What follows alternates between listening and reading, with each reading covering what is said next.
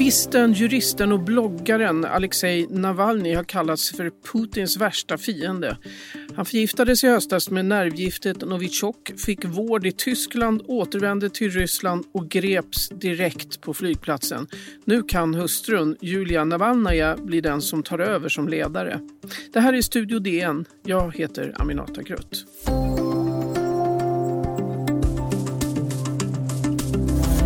арестуют! Меня арестуют по прилету. Это невозможно сделать. Я не виноват. Jag gripas? Nej, det är omöjligt. Jag är en oskyldig man. Ja, så sa Alexej Navalny när han klev ombord på planet från Berlin mot Moskva på söndag den 17 januari. Och helst skulle nog de ryska myndigheterna sett att oppositionsledaren inte återvänt alls till Ryssland. Med oss har vi DNs korrespondent Anna-Lena Laurén. Hej! Hej! Du var med på Vnukovo-flygplatsen och väntade på Navalny på söndagen när hundratals aktivister och journalister hade samlats i 20 grader kyla. Vad hände och varför var det så många som kom? Ja, det var ju ett typiskt fall där alla visste att han kommer troligen inte att landa här. Alla visste att, att myndigheterna gör ju allt för att, för att stoppa liksom den här stunden när han kommer och möts av sina anhängare och ett stort pressuppbåd.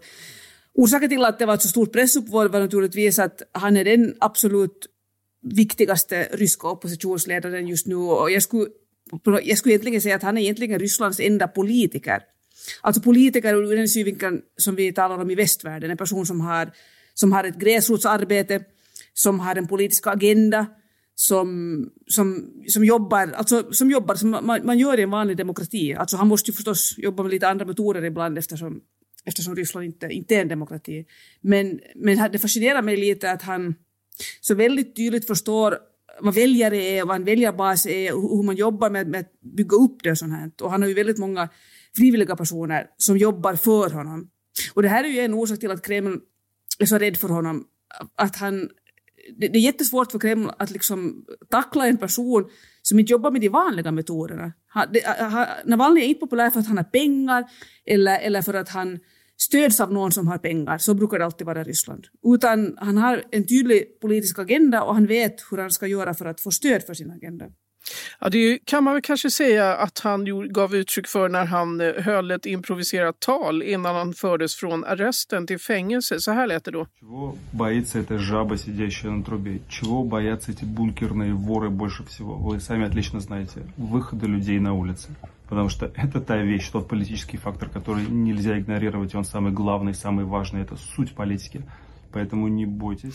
Ja, det var ett långt citat, men han eh, förolämpar väl Putin här delvis och säger att eh, vad han och de övriga i regimen är mest rädda för är att folk ska gå ut på gatorna och demonstrera. Och så uppmanar han folk att göra det dessutom. Kommer de att göra det, Anna-Lena? Det kommer de att göra. Det, nu på, på, på lördag klockan 12 svensk tid så har Navalnys anhängare kallat till demonstrationer över hela Ryssland.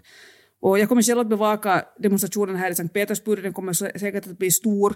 I Moskva kommer den att bli ännu större. I alla de stora städerna är det sannolikt att människor går ut på gatan.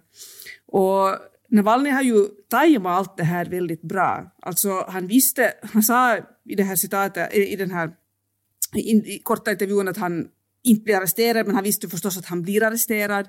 Han visste att det kommer att bli mycket mediebevakning på det. Sen hamnade han bakom galler, vilket han också visste. Och, och, så, och nu har han släppt en film där han har avslöjat att Putin äger ett biljardpalats vid Svarta havet, vilket också var planerat. Han liksom gör allting steg i steg. Och nu är det då demonstrationer på lördagen som kommer att, helt, helt säkert kommer att bli våldsamt skingrade. Och, och det kommer liksom hela tiden gång på gång på gång och alltid är här steget före Kreml. Vad tycker ryssarna om honom då i, i så här, generellt sett, gemene man? Ja, det är ju en, en bra fråga därför att han, han är ju en ganska... Han är ju en person som delar människor. Och eh, han, när han var yngre var han ganska nationalistisk. Han har aldrig varit en, en nazist. Det finns en sån här vulgärbild av honom att han var nazistisk och det har han inte varit. Men han har varit nationalistisk, populistisk. Han vill fortfarande införa visumregim mot Centralasien och så här. Men, men han, han har blivit betydligt moderatare under åren och, och hans mål är ju att, att är fria val. Det, det är det som är hans mål. Han försökte ställa upp i presidentvalet 2018. Det gjorde han och han, blev, han fick inte registrera sig, vilket också var väntat. Men vad han då istället gjorde var en slags övning, alltså att han öppnade en massa olika så kallade staber över hela Ryssland. Och, och nu har han en massa staber som jobbar för honom och som har deltagit i lokalval och som har haft stora framgångar till exempel i Tomsk och Novosibirsk. Och för att inte tala om Moskva där, där han i fjol så lyckades han se till genom att uppmana människor att inte rösta på Putinpartiet Det enade Ryssland så lyckades han åstadkomma att Det enade Ryssland förlorade över hälften av sina platser i Moskva stadsfullmäktige, vilket har stor betydelse. Och, och det, här är, det här är orsaken till att, att Kreml har gjort allt för att han bara inte ska återvända, för att han är otroligt smart och han använder sig av en teknik och metoder som, som de inte vet hur de ska hantera. Och han, han vill verkligen vara i Ryssland. Alltså som rysk politiker vill han vara i Ryssland. Vad beror det på? Det beror på att han vet mycket väl att det har historien visat att, att ryska dissidenter utomlands så har mycket liten, litet inflytande i Ryssland.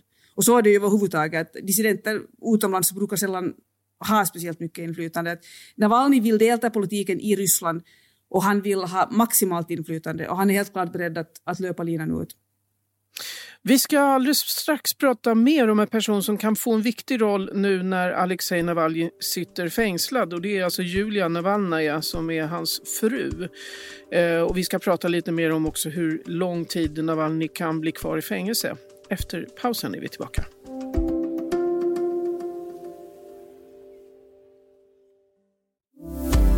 я абсолютно поддерживаю то, чем занимается Алексей. Искренне абсолютно это говорю. Не то, что это там красивая фраза. И бросать это на полпути в какой-то момент это не здорово. Julia Navalnaja, Alexej Navalnys fru, säger här att hon stöder hans arbete fullt ut och att sluta halvvägs skulle vara väldigt lamt, tycker hon. Anna-Lena Laurén, DNs korrespondent, vilken roll tror du att Alexejs fru kan få nu? Ja, det, är en fråga som många ryska analytiker ställer sig just nu och det är en ganska intressant diskussion som pågår. Julia Navalnaja är å ena sidan en person som från första början har gjort klart att jag är min mans hustru, jag stöder honom, det är min viktigaste, mitt viktigaste uppdrag jag, och jag är min, mina barns mor och jag, jobb, jag liksom fostrar dem medan han gör politik. Men Julia Navalnaja är inte en opolitisk kvinna, absolut inte. Som det framkom i den här i det här uttalandet så är hon, hon stöder alltså Navalnys jobb helt och hållet, inte bara för att hon är hans hustru utan för att hon stöder honom politiskt. Och hon har, jag har sett henne när hon, upp, hon har uppträtt på scen, några gånger, inte hemskt ofta, men ett par gånger. Och hon är alltså bra på att uppträda på scen. Hon kan tala, hon talar utan papper, hon behöver inget manus. Hon har en stor säkerhet, hon är en modern storstadskvinna. Och, och har liksom en naturlig säkerhet och, och har, har inga problem med att tala inför publik. Och hon är också precis som sin man otroligt modig, det måste man ju säga. Att hon, hon tvekar inte att följa med honom till exempel, följa med honom tillbaka till Ryssland. Och hon har aldrig ifrågasatt, ifrågasatt att de tvingas leva ett liv, deras familj där de hela tiden är utsatta för, för husundersökningar. Hon får sitt bankkort blockerat och, och, så, och så här. Hon är högutbildad, hon är smart, hon skulle, kunna ha, hon skulle absolut kunna spela en viss roll, men frågan är om, om hon vill det själv. Det har hon aldrig gett uttryck för. Och det sannolika är att hon inte vill göra det nu eftersom det viktiga för henne nu är att lyfta fram sin man Alexei. Men medan han sitter i fängelse så är det ju möjligt att hon kommer att synas mer och mer i offentligheten. Mm. Hur lång tid kan han bli kvar i fängelse nu, Alexei Navalny? nu är han ju häktad på 30 dagar och de kommer troligen nu att göra allt för att de har redan, de ryska myndigheterna, rättsmyndigheterna har redan meddelat att en gammal villkorlig fängelsedom som han fick som Europarådet för mänskliga rättigheter för övrigt har diskvalificerat som ogiltig. Alltså det är en helt politisk dom. Så den har, har man nu snabbt omvandlat, omvandlat till en fängelsedom och den är på 3,5 år. Då ska han alltså sitta i tre och ett halvt år i fängelse. Sen har man dessutom hittat, hittat på helt klart en, en, ett nytt fingerat brott, förskingringsbrott, att han skulle ha stulit de pengar han har fått in genom crowdfunding för sin organisation. Och där kan man säkert också ge honom några år till ifall det behövs. Men, men Kreml har ju hela tiden lite akta sig för att ge honom fängelsedomar för man vill inte göra honom till martyr. Istället har ju hans bror Oleg Navalny satts i fängelse. Han fick en fängelsedom för, som också är helt fingerad för förskingring för, för några år sedan. Men det hjälpte inte. Alltså Navalny fortsatte och det är ju mycket tydligt att familjen Navalny håller ihop. Det är inte bara hans fru och hans barn, det är hans föräldrar, det är hans bror. Alltså de stöder honom alla. Ingen är beredd att, alla är beredda att liksom med, med honom löpa linan ut. Ja, det är ju inte bara Alexej Navalny som har gripits som sagt, utan hans bror. Och inför hans ankomst till Ryssland har ju både journalister och flera av hans medarbetare gripits. Hur ser det, hur ser det ut, Anna-Lena? Ja, det är helt... Brodern Alek Navalny, då, så han, han har redan av, avtjänat sin fängelsedom. Och de här gripanden som har skett nu är troligen tillfälliga. Men så gör de ryska myndigheterna alltid för att sätta press på oppositionspolitiker inför någonting, inför en demonstration, nu inför att han skulle komma tillbaka. Alltså det, det är väldigt typiskt. Och, och, det är ett sätt att, att försöka skrämma lite extra. I Navalnyjs fall har det ju inte fungerat. Men, och, och det här tyder ju också på att på, det är mycket troligt att det kan bli ganska våldsamt på lördagen, för myndigheterna är pressade. Alltså det, det, har, det har gjorts ett åtlöje på, i söndags när de med, med, stora åtgärder tvinga alla plan som ska flyga till Vnukovo att istället flyga till Sheremetyevo flygplats. Alltså det, det orsakar en massa besvär för en massa människor. De stängde vägen till Sheremetyevo för att inga journalister skulle kunna ta sig dit. Alltså de, de, de har verkligen visat hur rädda de är för honom. Och det är mycket troligt att, att de människor som vågar gå ut på gatan på lördagen så kommer att mötas med, med våld. Alltså man har jämfört nu, jag vet inte riktigt var, men det har jämförts med både Alexander Solzhenitsyns återkomst 94 och till och med med Vladimir Lenins eh, återkomst till Petrograd. Går det verkligen att jämföra på det sättet? Nej, alltså jag, jag har ju själv faktiskt gjort det här och det här eh, det, han, man kan inte jämföra Navalny som person, vare sig med, med Lenin eller med eller med någon annan, eller, eller absolut inte med Solzhenitsyn som var en författare. Men, men, men däremot det som det handlar om var att det här, det här liksom stunden när en dissident eller där liksom en, en person som har blivit motarbetad av myndigheterna kommer tillbaka och liksom mottar folkets hyllning. Det, det, det, det är en slags ikonartad scen i rysk historia och det var den som myndigheterna med allt våld ville hindra Navalny från att få det nöje, att han skulle inte få sin plats i solen. Men, så den likheten finns. Och samtidigt som, de, som personer och figurer är de alla förstås helt, helt olika. Mm. Eh, om vi bara tittar på omvärldens reaktioner här nu så har ju både FN och EU uttalat sig och uppmanat ryska myndigheter att eh, släppa Navalny, Navalny. Eller som du sa också, att man har till och med ogiltigförklarat en av de här eh, anklagelserna mot honom. Men bryr sig Moskva om det? Ja och nej. Alltså,